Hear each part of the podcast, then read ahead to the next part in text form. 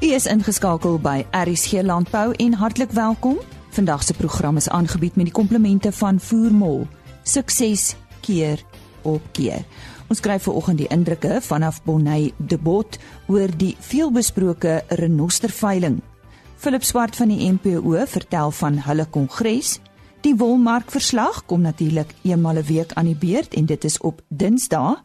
En ons stel u voor aan die LNR Nasionale Kleinskaal Kommersiële Beesprodusent vir 2017. En om mee af te sluit 'n onderhoud wat Koos de Pisani onlangs by die Agri Noord-Kaap Kongres gehad het met Dan Kriek, visiepresident van Agri SA en ook president van Vrystaat Landbou. Die wêreld se eerste wettige renosterhoring veiling is afgehandel en daar word steeds gegons oor hoe die veiling afgeloop het nou as ook die moontlike impak van renosterhoring veilings. Nou ek gesels met ons gereelde gas Bonnie Bot hieroor. Bonnie, ja, die aanlyn veiling het groot nuus gemaak so 'n tydjie gelede en is na 3 dae afgehandel, maar daar was baie omstredenheid rondom die veiling nog voordat dit begin het, nie waar nie? Ja nee, uh, absoluut. Uh, die aanlyn veiling soos jy sê het wêreld nuus gemaak. Ek het self uh, op BBC gesien hulle daaroor gesels. Nou uh, John Hume het 'n webwerf opgestel waar hy die 264 renosterhorings uh, geadverteer het. Uh, en dit was nou in Engels, Chinese en Vietnamees. En uh, letterlik die naweek voor die veiling uh, afgeskop het, het 'n paar um, diereregte aktiviste of hacktivists, soos die pers hulle genoem het, hierdie webwerf binne gedring. Uh en hierdie webwerf was nou buite werking en en van die mense kon nou nie op die webwerf geregistreer het nie. Uh maar sy webwerf was ook nie die enigste probleem waarmee hy gesit het nie. Uh hy moes ook met die departement van omgewingsake in die hof veg om sy permit aan hom uit te reik. Nou hier is die interessante ding. Uh die departement het reeds 3 weke voor die aanlyn veiling die permit op papier aan hom toegestaan. Uh en ten spyte daarvan dat hy uh, elke dag telefonies ge, uh, gekontak gemaak het met die departement en soms regsverteenwoordigers gestuur het om die permit te gaan afhaal, het die departement geweier om die permit uit te reik. En die rede daarvoor was is uh, hulle het gesê dat dit 'n personeel het was wat nie die nodige gesag gehad het uh, wat nou hierdie permit uitgereik het of toegestaan het en onderteken het nie. En hulle het slegs die minister van omgewingsake Dr Edna Molewa is uh, wat dit kan doen. So toe John Hume gedoen wat hy baie goed doen, uh, hy het die departement uh, hof toe geneem en uh, 24 uur die Sondag voor die veiling afgeskop het, uh, het die Hooggeregshof in Pretoria toe nou gesit en uh, uh, met die regter wat beslis het dat die departement die permit moet oorhandig sodat die veiling die volgende oggend kon voortgaan. Maar die veiling is toe weer eens vertraag met 'n paar dae en in plaas van om die maandag het dit eers die woensdag begin uh, om die kopers ook dan nou kans te gee om by die departement te registreer want jy het natuurlik 'n koperspermit nodig uh, wanneer jy 'n renosterhoring wil aankoop. So uh, daar was baie ontevredenheid hieroor uh, met die private renoster eienaarsvereniging op Proua wat in 'n persverklaring gesê het dat die departement se benadering obstruktief en waansinnig was. Vertel ons 'n bietjie van die belangstelling van die kopers toe die veiling nou uiteindelik afgeskop het. Uh, ek het verskeie kere uh, gedurende die veiling met die veilingshuis gepraat en hulle monde was behoorlik gesnoer. Maar net ek ook 'n paar berigte uh, gesien wat verskyn het wat gesê dat duisende kopers reg staan om te begin bi. So ek is nie seker waar hulle hierdie inligting gekry het nie, uh, want soos ek sê, die veilingshuis het geen inligting bekend gemaak nie. Dan moet jy ook 'n uh, elektroniese deposito van 100 000 rand aan die veilingshuis maak voordat jy op die webwerf uh, kon registreer om na die horings te kyk en aan die veiling te kon deelneem. Nou uh, daar was verskeie lotte, dit kan ek wel sê. Ek het 'n paar weke voor die veiling gou geloer. Uh maar toe die veiling begin uh begin het, was dit gesluit vir die publiek weens veiligheidsredes. Nou ek het uh, by verskeie bronne gehoor dat slegs 7 koperspermitte deur die departement uitgereik is tydens die veiling, maar hierdie getal is nog nie bevestig nie. En dit beteken natuurlik ook hoe genaamd dit daar sewe verkope was nie. Uh, ons weet steeds nie hoeveel en of daar inderdaad enige renosterhorings verkoop was nie. Bonnie, maar jy het genoem dat die veilingshuise monde gesnoer was, maar nou dat die veiling afgehandel is, moet daar tog sekerlik resultate beskikbaar wees? Ja, kyk geen uitslaa uh, van die veiling is nog bekend gemaak nie alhoewel John Hume se regsverteenwoordiger wel 'n verklaring uitgereik het uh, na die veiling wat die veiling as teleurstellend beskryf het. Uh, daar verder gesê dat minder belangstellendes en kopers uh, teenwoordig was as wat verwag was met John Hume wat die minister van omgewingsake Dr Edna Molewa blameer. Uh, hy sê die veiling is belemmer omdat hy hof toe moes gaan uh, met die departement van omgewingsake wat vir hom sake baie moeilik gemaak het. En dit vertraag het in pogings om dit omver te werk. Uh die veilingshuis het wel vir my gesê dat hulle die uitslae in die komende weke bekend sal maak en ek hoop werklik hulle doen. Uh, ek dink dit gaan baie interessant wees om te sien waarvoor die horings verkoop is en ook dan of daar plaaslik 'n mark is. Hoe groot is die aanvraag na 'n nosterhoring in Suid-Afrika? En dit gaan ons nou weer in staat stel om die plaaslike swartmarkprys vas te stel uh, en dit dan sodoende met die swartmarkprys in Asië te vergelyk. So wat dink jy hou die toekoms nou in vir die handel van renosterhorings? Eh, dis 'n baie baie goeie vraag. Kyk, dis duidelik dat John Hume baie teleurgesteld was in die uitslag van die veiling uh met die private renoster eienaar vereniging wat erken dat daar minder kopers as verwagting was. Uh maar hulle sê dis 'n stap in die regte rigting omdat plaaslike handel weer moontlik is en, en dit die weg gebaan is uh, vir toekomstige verkope. Aan die ander kant uh, het jy baie op sosiale media gekry wat hulle self uitgespreek het oor die veiling uh, met diegene wat aandring dat die moratorium op plaaslike handel weer ingestel moet word. Uh, hierdie keer met alles wat tot op die letter nagegaan word sodat die saak nie weer vanweë 'n tegniese fout uit die hof gegooi moet word nie. Sommige uh, selfs van mening dat die departement doelbewus hierdie chaos rondom die veiling veroorsaak het omdat hulle self uh, die nasionale opgehoopte renosterhorings wil verkoop. En dan het jy die aktiviste organisasie Askip uh, wat so ver gaan as om te sê dat al hierdie bureaukratiese rompslomp uh, net nog 'n teken is dat die departement nie in staat is om die plaaslike handeldryf na behore te monitor nie. So ja, uh, gemoedere het hoog geloop aan beide kante tydens die aanlyn veiling, uh, maar ek dink net tyd sal leer oor oor hoe die proses van wettige handel vorentoe gaan afspeel. Dis dan die stem daarvan Bonnie Debot. Die melkprodusente organisasie se nasionale kongres vind een van die dae plaas en om meer hieroor te vertel, die bestuurder van lededienste by die MPO, Philip Swart. Dis dit vind plaas op die 20ste September. Uh hierdie jaar is dit die Wes-Kaapse beurt, so ons hou dit in George by die King George Hotel.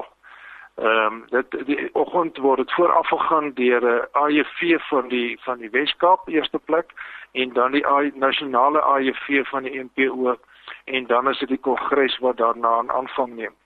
En ek kan 'n bietjie uitwy vir julle te sê dat die tema vir hierdie jaar se kongres is in Engelse term te gebruik is up your game of kom ons sê dit dan maar skakel oor na 'n hoë rad. Nou goeie sprekers wat ons het is Dr John Westwood, hy gaan 'n aanbieding doen oor die internasionale besigheidslandskap. Ehm um, ons hoe moet jy handel met hierdie veranderinge? Ons weet van goed soos Brexit wat plaasgevind het en dis meer. En so daar's 'n klomp veranderinge op die handelsgebied en ons ons hy hy, hy doen 'n goeie aanbieding oor hoe moet mense hierdie goed hanteer. Daarna is dit Anton de Wet wat gaan praat oor haal die angel uit die swart ekonomiese bemagtiging. Hy het 'n bepaalde model wat hy voorstaan. Ehm um, dit is 'n baie moeilike situasie vir baie produsente. Hulle weet nie altyd hoe om dit te hanteer nie en ek dink hier skep ons 'n geleentheid om om ook hierdie vraagstuk uit die weg te ruim. Daarna is dit die hoofuitvoerende beampte van die NPO, Dr. Chris van Duyk, wat gaan praat oor moeilike tye verg moeilike besluite. Ehm um, so ek dink daarbey gaan die produsente baie baat vind. Ons kom met 'n droogte situasie waar moeilike besluite geneem moet word. En daarna is dit Vanus Linde van van Griekeland Weskoöperasie GWK en hy gaan praat oor lewing en beskerming tydens droogte toestande. Hy gaan waarskynlik 'n bietjie verwys na die relatiewe voedingswaarde van verskeie gewasse. So ek dink is 'n bietjie van 'n skoling weer eens maar met die oog op wat doen jy tydens droogte toestande. En dan het ons 'n Israelië in die land uh, met die naam van Gil Inbar en hy gaan praat oor hittestres en die invloed daarvan op melkbeeste deur die wêreld. Weer eens, hoe moet hierdie verandering ook hanteer en implementeer word ten beste van die van die bedryf? en dan sluit ons af met met Drayton Milford van van Agri Expo Farm en hy gaan praat oor wees altyd een tree voor jou teestanders moet nooit nog verhoeds betrap word nie. Jy weet dis is iemand uh, anders kyk maar altyd wat doen jy en volg jou na so jy moet sorg dat jy in die voorpunt bly van van enige aktiwiteit. Belangstellendes, wat staan hulle te doen as hulle wil bywoon? Ek is seker uh, julle het al heelwat mense wat laat weet het, maar net vir die laatslapers. Ja, dankie Lisa. Nee, daar is daar is goeie goeie belangstelling moet ons eerlikwaar sê. Ek dink die beste metode is maar om ons kantoor te skakel 012 843 5600 en dan sommer met met Julie Lagland te praat sy hanteer al die die inskrywings en sy sal dan waarskynlik ook verwys na na Anneke wat die by die besprekings vir die hotel hanteer en en dit dien dit mense is wat wil oorbly. Ehm um, maar ja, ek dink dit is die beste maar ons kantoornommer te skakel. En dit was dan Philip Swart van die melkprodusente organisasie wat oor hulle nasionale kongres gesels het en hierdie kongres vind op 20 September plaas. Vir die nuutste wolmarkverslag, Jolandi Root. Die wolmark het vandag 4,0% laer verhandel en die Cape Wools Merino aanwyser daal met 4,0% en 726 punte om te sluit teen 'n waarde van R173 en 66 sent per kilogram verskoon wol. Op die Australiese mark was die aanwyser 1,0% af, terwyl die Cape Wools alle wol aanwyser met 3,9% gedaal het. Die mark het goed presteer en die impak van die effens sterker rand teenoor sy waarde 2 weke gelede is verreken teen die volgehoue goeie vraag na wol wat tans op die internasionale mark ervaar word. Die fyner en mid-mikron tipes het meer gedaal en die sterker wol het verbeter vasgeklou aan die onlangse goeie stygings. Na verlede week se reses was die kompetisie vir goeie gehalte langwol tussen kopers hewig met Madiano wat die grootste deel van die aanbod opgeneem het. Altesaam 97,5% van die 11215 bale wat op die veiling aangebied is, is verkoop. Die grootste kopers op die veiling was Madiano met 3329 bale, Standard Wool SA met 2470 bale, Tia News SA met 2051 bale en Lemprairie SA met 1471 bale. Die gemiddelde skoonwoltipes vir die seleksie binne die verskillende Mikon kategorieë goeie langkamwol tipes was soos volg: 18,0 mikron daal met 6,0% en sluit teen R204.45 per kilogram. 18,5 mikron neem af met 1,8% en sluit teen R206.46 per kilogram. 19 mikron verlaag met 6,3% en sluit teen R188.43 per kilogram. 19,5 mikron verswak met 4,6% en sluit teen R179.54 per kilogram. 20 mikron is met 4,0% af en sluit op R173.80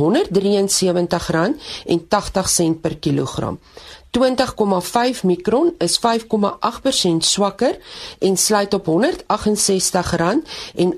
per kilogram. 21,0 mikron verlangsaam met 6,1% en sluit teen R163.91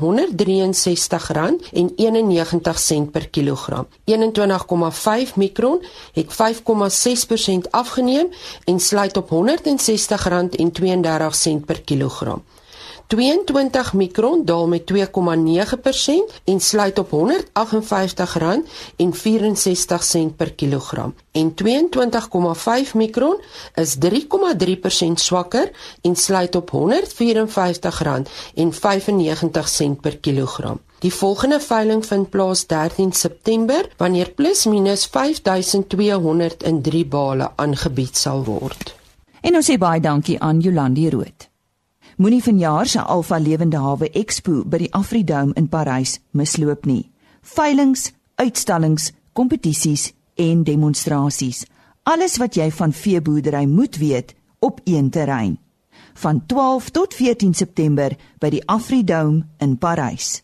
Alfa, 'n veefees soos min. Kaartjies is beskikbaar op www.alfaexpo.com of by die hekke as u daar arriveer, andersins by enige hinterland winkels. Op 25 Augustus het die LNR hulle nasionale bees toekenningsgeleentheid gehad. Ons het dit bygewoon en ek het daar onder andere gesels met die wenner in die kategorie vir die kleinskaalse kommersiële beesprodusent van die jaar. Haar naam is Machidiso Moeketsi en sy is daar van die Tosca omgewing. Sy vertel haar storie en ook hoe sy by landbou betrokke geraak het. Man, dis die liefde van ehm uh, toe ek 'n kinder uh, gewees het. Ehm um, maar toe ek groot geword het ek besluit om my land met die hele hart hm, um, lief lief het. Dis hoekom en met die hulp van die God, dis hoekom ons tot so ver geloop het met die boerdery. Ons het klein begin. Dit was dit is nie uh, maklik nie. Maar as jy ehm um, as jy passie het, voel jy nie probleme nie. Ja, jy gaan net aan. Jy gaan net aan. Maar maar met wie se hulp met met ons God se help. Ja. So watter jaar het het alles vir jou begin en en ons is nou vandag by 2017. Jy het en jy klein begin, vertel ons. Ons het in ehm um, jaar 2008 begin. Ons het uh so baie klein begin. Ons het 'n plas gehuur in in die Doska se se omgewing. Maar toe het ons so gesukkel met die water vir die hele 1 jaar en 4 maande. En daar was um die plaas wat geadverseer ja. uh, deur die land uh, uh um gereformeerde uh, departement. Ja. So ons het daai vir daai plaas 'n uh, aansoek ingedien. Toe het uh, toe word ons uh, aansoek um goedgekeur. Ja. So van 20 11 'n Januarie maand toe het ons na daai plaas uh, verhuis tot nou. Ek ek kan sê die the the the the rest is history. Ja, ja. Mm. En en jy klein begin met hoeveel beeste? Ons het net met 7 beeste begin. Ja. En toe kry ons die Mguni ehm um, beeste van die departement van uh, landbou Noordwes provinsie. Maar ons het mos groot geword. Daai wat daai wat was 'n program van die departement mm. oh, oh, to to empower us economically. But uh, along the way, we had to graduate so that other upcoming farmers, you know, can grow as well. Hence, you know, where we are today. Hmm. En en wat het julle vandag? Man, ons het 141 uh, koeie met kalvers. So ook uh, in ook in Goonies. Nee, Bonsmaras. Ons het Goonie, ons het mos gegradueer. Ja, ons, ja. ons ons is groot nou. Ons ons wil eintlik groot word. En ander mense wys dit dit is dit kan gedoen word. Dit is moontlik. Ja. Hmm. So as jy nou 'n boodskap het vir mense wat dalk nou is waar jy was 'n paar jaar gelede. Wat sal jy vir hulle sê wat wat moet hulle doen? Ek kan hulle sê hulle moet passie hê. Dis nie maklik nie. Maar as jy passie and um as jy determination and the commitment has you know you will you you you will realize after you know having crossed the river that looking back how it how difficult it was but here you made it so i i would like them to to love our country irrespective you know of whatever is happening. Let us love our country. Let us pray to God, you know, to make everything right. Let us contribute to agriculture because without agriculture there will be no food. Mm. Yes. Definitief 'n vrou met 'n hart vir landbou en dit was dan Machidiso Moketsi. En nou vir die onderhoud wat Koos Tupisani tydens die Agri Noord-Kaap Kongres met Dan Creek gehad het.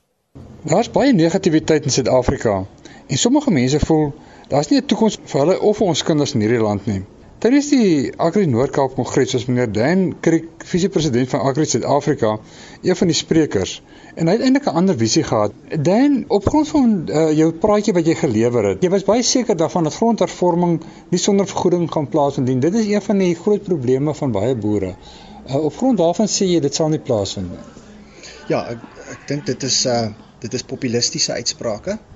Uh, ek sit dit in dieselfde kategorie as uh, white monopoly capital julle die grond gesteel uh, ons gaan julle grond onteien sonder vergoeding. Dit is als populistiese uitsprake. Nou die eerste plek dit dit is nie toelaatbaar onder die grondwet nie. Dit dit kan eenvoudig nie onder ons grondwetlike bedeling gebeur soos dit nou daar uitsien nie. In die tweede plek is dit ook nie regeringsbeleid nie. En by die ANC se beleidskonferensie nou ehm um, 'n paar maande terug het hulle het hulle ook nie daai standpunt ingeneem nie. So dit is dit is nie eens hoegenaamd op die kaarte nie.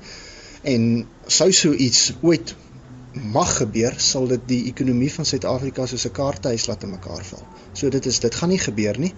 En uh dit is hoekom ek baie beslis daaroor is. So ek wil nie hê ehm um, boere moet daai tipe denkwyse begin begin aankweek nie, want dan kan jy dan sê so onseker dat jy nie meer uh normale besigheidsbesluite kan neem nie. So, kom weg daarvan af, fokus op die grondwet en uh en en gaan aan met jou boerdery. Iets wat vir my ook interessant is is dat eh, landbou en en deesdae mynbou ook ehm um, word dikwels vir politieke doeleindes gebruik. Ek dink die rede daarvoor is seker nou maar om die onsekerheid te verhoog. Maar jy sien ook deesdae al hoe meer dat eh uh, van regeringskante word daar gekeer en gesê nee, dit, dit is nie die geval nie. Ehm um, wat veroorsaak hierdie verandering by die mense? Ja, ek dink as die twee grootste sektore waarna ek verwys het, is die landbousektor en die mynbousektor en albei gaan gebuk onder beleidsonsekerheid. Die mynbou sektor was nou baie in die nuus oor die mining charter wat uh die uh, minister Zwane opgestel het en alles wat daar rondom gebeur het en is terugverwys en en dit skep soveel beleidsonsekerheid dat iemand wat 'n langtermyn belegging wil maak wat 'n uh, gat in die grond is waar jy oor 20 en 30 jaar uh van nou af opbrengs op jou belegging wil hê is net is dis maak dit so onseker dat die vraag word gevra hoekom sal mense dit wil doen? Ehm um, en die persoon wat daai vraag uh, gevra het is die goewerneur van die Reserwebank in Business Day so 3 weke gelede het hy die artikel geskryf en, en gesê ehm uh, hoekom sal iemand 'n gat in die grond gaan maak en 'n langtermynbelegging maak as die as die minister en die beleid elke paar jaar verander. So ek dink dis 'n baie belangrike uitspraak. Dieselfde geld natuurlik vir landbou. Uh ons moet beleidsekerheid kry en as wanneer die beleidsekerheid kry is wanneer entrepreneurs veilig voel om om risiko's te neem. Hy kan hy kan die fyn dit is hoekom 'n regering nie kan kan boer of 'n myn kan hê nie. Want die regering kan nie al die fyn uh besonderhede uitwerk wat die privaat sektor en 'n entrepreneur kan uitwerk nie. Hy hy neem alles in ag. Hy doen al die fyn berekeninge van wat dit nodig is om te belê en wat hy gaan doen en watter risiko hy gaan neem om in die toekoms ehm um, uh, opbrengs op sy op op sy belegging te kry. Ehm um, En indien ons beleidsekerheid het, sal sal het ons genoeg entrepreneurs wat daai geleenthede sal aangryp. Ons in die landbou is ook gerad om uh vir vir nuwe toetreders geleenthede te kan skep en wanneer hulle beleidsekerheid het, uh dan sal hulle investeer. Wanneer hulle investeer, kry ons ekonomiese groei. Ons ekonomiese groei kry skep ons werksgeleenthede en uh en voedselsekerheid word gehandhaaf en die hele land is net beter daartoe. So dit is hoekom ek so sterk klem gelê het daarop. As ons nou praat van van ekonomiese groei, dan het jy ook verwys na ehm um, vennote en rolspelers in landbou wat nodig is om om vir landbou weer sy regmatige plek uh in die samelewing te gee. Ehm um, wie is hierdie rolspelers en vennote waarna jy verwys? Die rolspelers en vennote is die is die almal in die waardeketting van landbou. Uh ons weet dat primêre landbou verteenwoordig so dis 'n 2 of 3% van BBP, maar die waardeketting Dit is nou die besighede wat hulle besigheid op die boere se besighede gebou het. Verteenwoordig 15 tot 20% van die waardeketting. En ek dink die tyd is net ek ek sien dit uh, ek sien dit dis 'n normale uh gebeurtenis wat net plaasvind dat die besighede, die waardeketting is bekommerd oor die beleidsonsekerheid. Hulle is bekommerd oor die aantasting van die van ons grondwetlike waardes. Hulle is bekommerd oor eiendomsreg en die uitsprake wat gemaak word. En ek sien 'n natuurlike samekom van die van die besighede wat hulle besighede op die boere se besighede gebou het. En dit is tog net logies dat almal van hulle is tog verantwoordelik om die om die uitdagings van van uh, van die landbou aan te spreek. In jou praatjie jy verwys ook na opkomende boere. Waarom is dit vir die georganiseerde landbou so nodig dat om hierdie opkomende boere um, te ondersteun en op te hef? Georganiseerde landbou is verbind tot die grondwet. En as jy die aanhef van die grondwet gaan lees, uh dan staan daar dat ons sal ons sal streef na 'n samelewing van uh gelykheid en en uh en geregtigheid en waar mense 'n beter lewe gegee word en waar nuwe geleenthede oopgebreek word. En ons grondwet is mos nou maar 'n produk wat gebou is op dit wat in in Suid-Afrika se geskiedenis gebeur het. Met ander woorde die uitsluiting van mense op grond van velkleur. En die georganiseerde landbou baseer sy argumente op die grondwet en dit is vir ons in ons is van mening dat binne die vrye mark en binne die grondwet uh met die nodige hulp van al die rolspelers, met die hulp van die regering, is dit baie is dit heeltemal moontlik om om goeie vordering te maak, uh nuwe boere te vestig, uh hulle ekonomie van hulle met die grond besit. Dit is een deel wat nog nie gebeur in Suid-Afrika. Hulle met die grond besit, hulle met dieselfde regte hê he, as wat ek het. Ek besit my grond en ek kan na die bank toe gaan daarmee. Baie opkomende boere besit dit nog net nie nê? Nee? So ons moet daai regte moet ons ook vir hulle uitbou en dan moet hulle wanneer hulle eiendomsreg het, moet hulle kan bank toe gaan, hy moet finansiering kan kry, hy moet ekonomie van skaal kan kry, moet toegang tot uh inligting en tegnologie hê. Ehm um, hy moet aan die voorpunt bly anderster sê BFAP se baseline vir ons en eintlik sommer net ons logika dat daai ons gaan dit nie maak nie. So dis hoekom ons verbind is. Ons is verbind tot hierdie land en tot die herstel uh van mense se regte en tot die normalisering van van die landbousektor waar ons eendag dalk vir ons kinders kan sê uh waar die landbousektor net uh, erken en en geëer word vir die vir die lewegewende rol wat hy speel. Is dit nou die verantwoordelikheid van jou uh, bestaande kommersiële boer? Wie se verantwoordelikheid is dit dan? Hierdie is ons almal se verantwoordelikheid.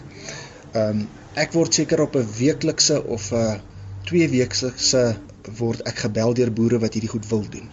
So daar's ouens almal, ek dink Johannes Moller het daarna verwys, jou klein boere wat onder 'n sekere vlak is, dis dis net bloot vir hom onmoontlik.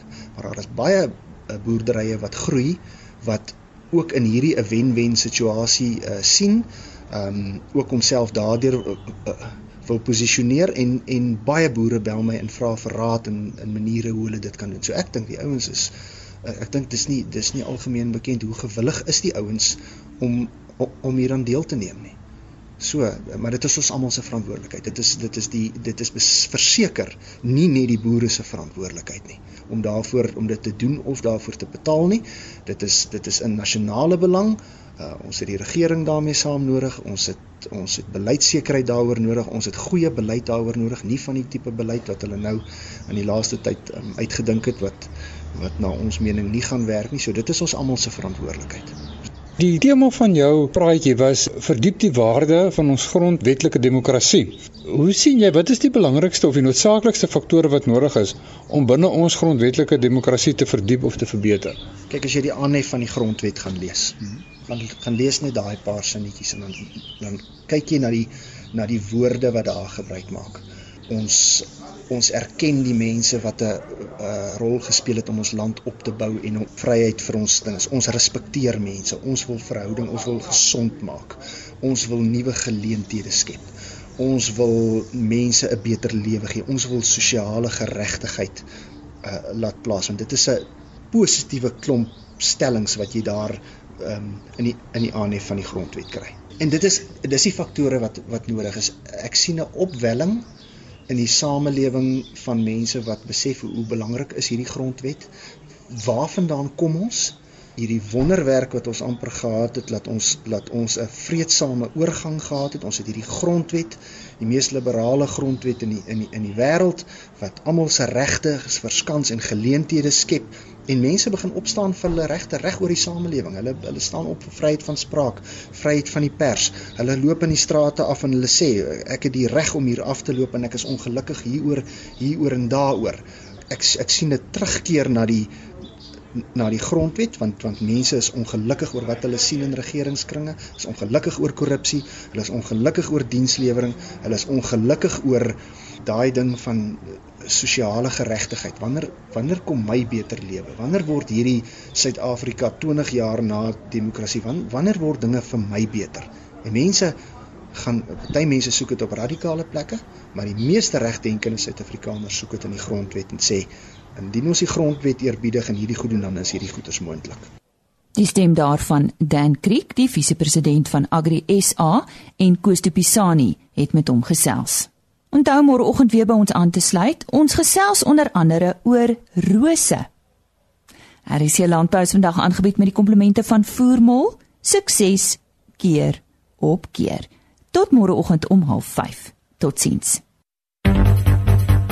RSG Landbou is 'n produksie van Blast Publishing. Produksieregisseur Henny Maas. Aanbieding Lisa Roberts en 'n notas koördineerder Jolande Rooi.